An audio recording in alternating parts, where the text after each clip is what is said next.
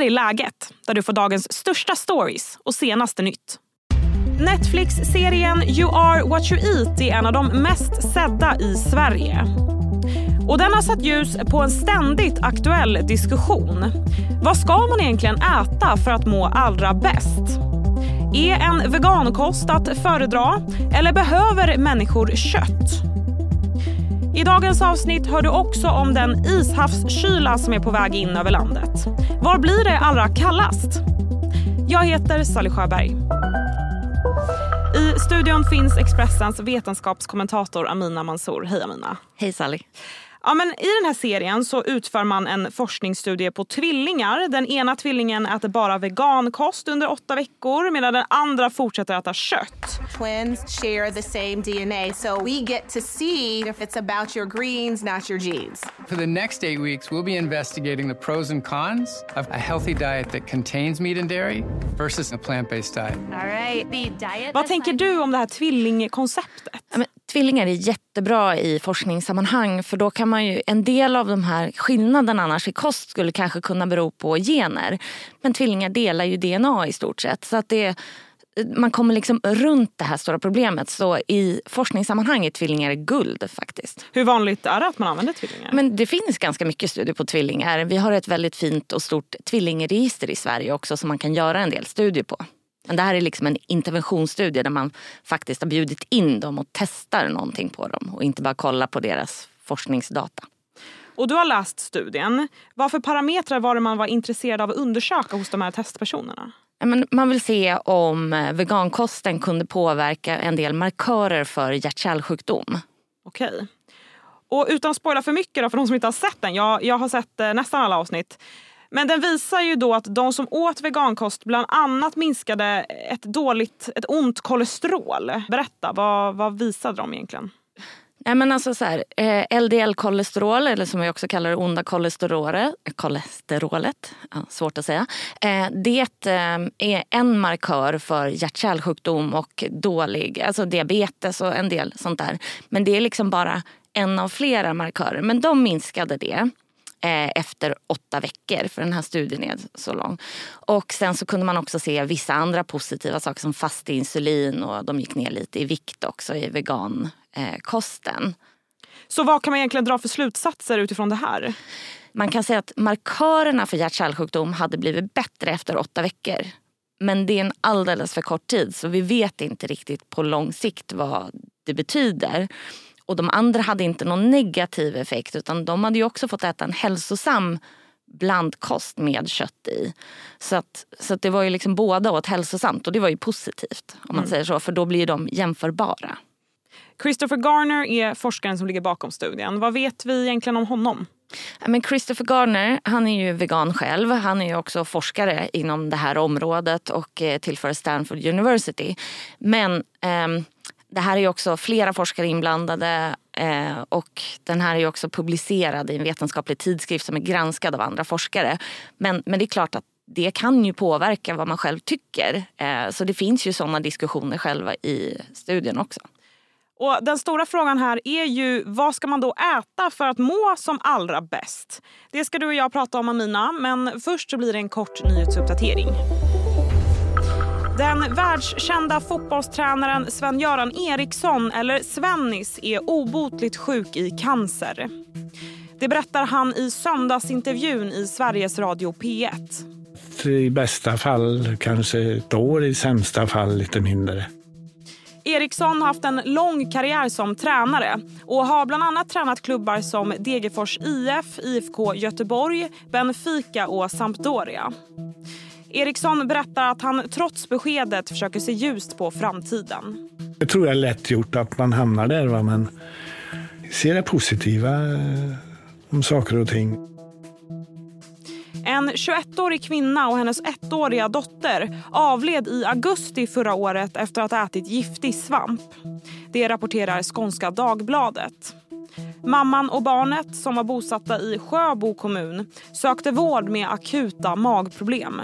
Barnet avled dagen efter och mamman några dagar senare. Polisen har nu tagit del av den rättsmedicinska undersökningen som visar att den giftiga substansen amatoxin som bland annat finns i flugsvamp hittades i undersökningen. Det finns inga misstankar om brott. Det internationella ishockeyförbundet IIHF stoppar Israels landslag från att delta i VM. Orsaken ska vara säkerhetsskäl. Ishockeyförbundet skriver att det här beslutet ska gälla tills att citat, säkerheten och välmåendet hos alla deltagarna kan garanteras. I uttalandet nämns inget om att några andra länder skulle ha protesterat mot att möta Israel.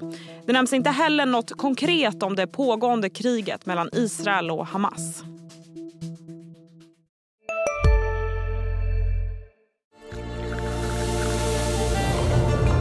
Välkommen till Maccafé på utvalda McDonalds restauranger med Baristakaffe till rimligt pris. Vad sägs om en latte eller cappuccino för bara 35 kronor? Alltid gjorda av våra utbildade baristor. Hej, Ulf Kristersson här. På många sätt är det en mörk tid vi lever i. Men nu tar vi ett stort steg för att göra Sverige till en tryggare och säkrare plats. Sverige är nu medlem i Nato. En för alla, alla för en. Så vad, hur ska man då äta för optimal hälsa? Ja, men alltså, det kom ju nya näringsrekommendationer förra våren eller inför sommaren. Och de för säger, Sverige eller för världen? Eh, för Norden. Eh, och eh, de säger ju i stort sett att men, utgå från en växtbaserad kost. Liksom, ät mycket baljväxter, grönsaker, frön, nötter, vegetabiliska oljor. Sen kan man äta lite kött och man kan också ha lite socker och lite sånt där. Men lite av det, liksom, lite alkohol, dra ner på det och sånt. Så att det liksom utgår från en växtbaserad och sen så lägger man till lite annat.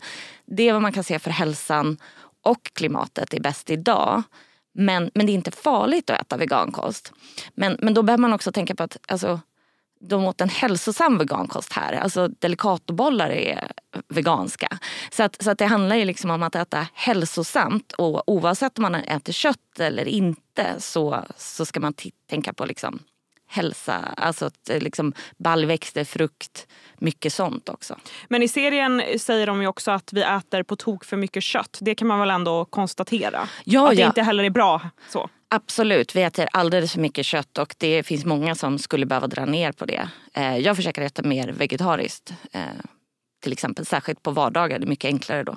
Men jag, jag, tänker, jag är också väldigt intresserad av det här, försöka äta rätt och så vidare. Hur vet man att kroppen mår bra av det man äter?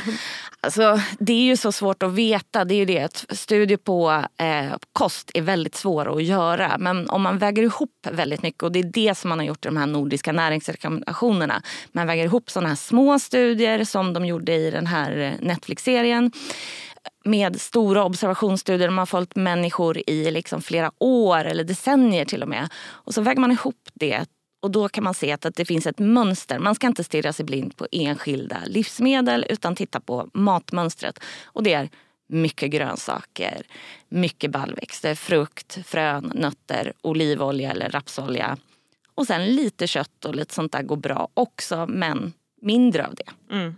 Allt i moderation låter det som. Ja, lagom är bäst. Ja, lagom är bäst. Tack Amina. Tack så jättemycket.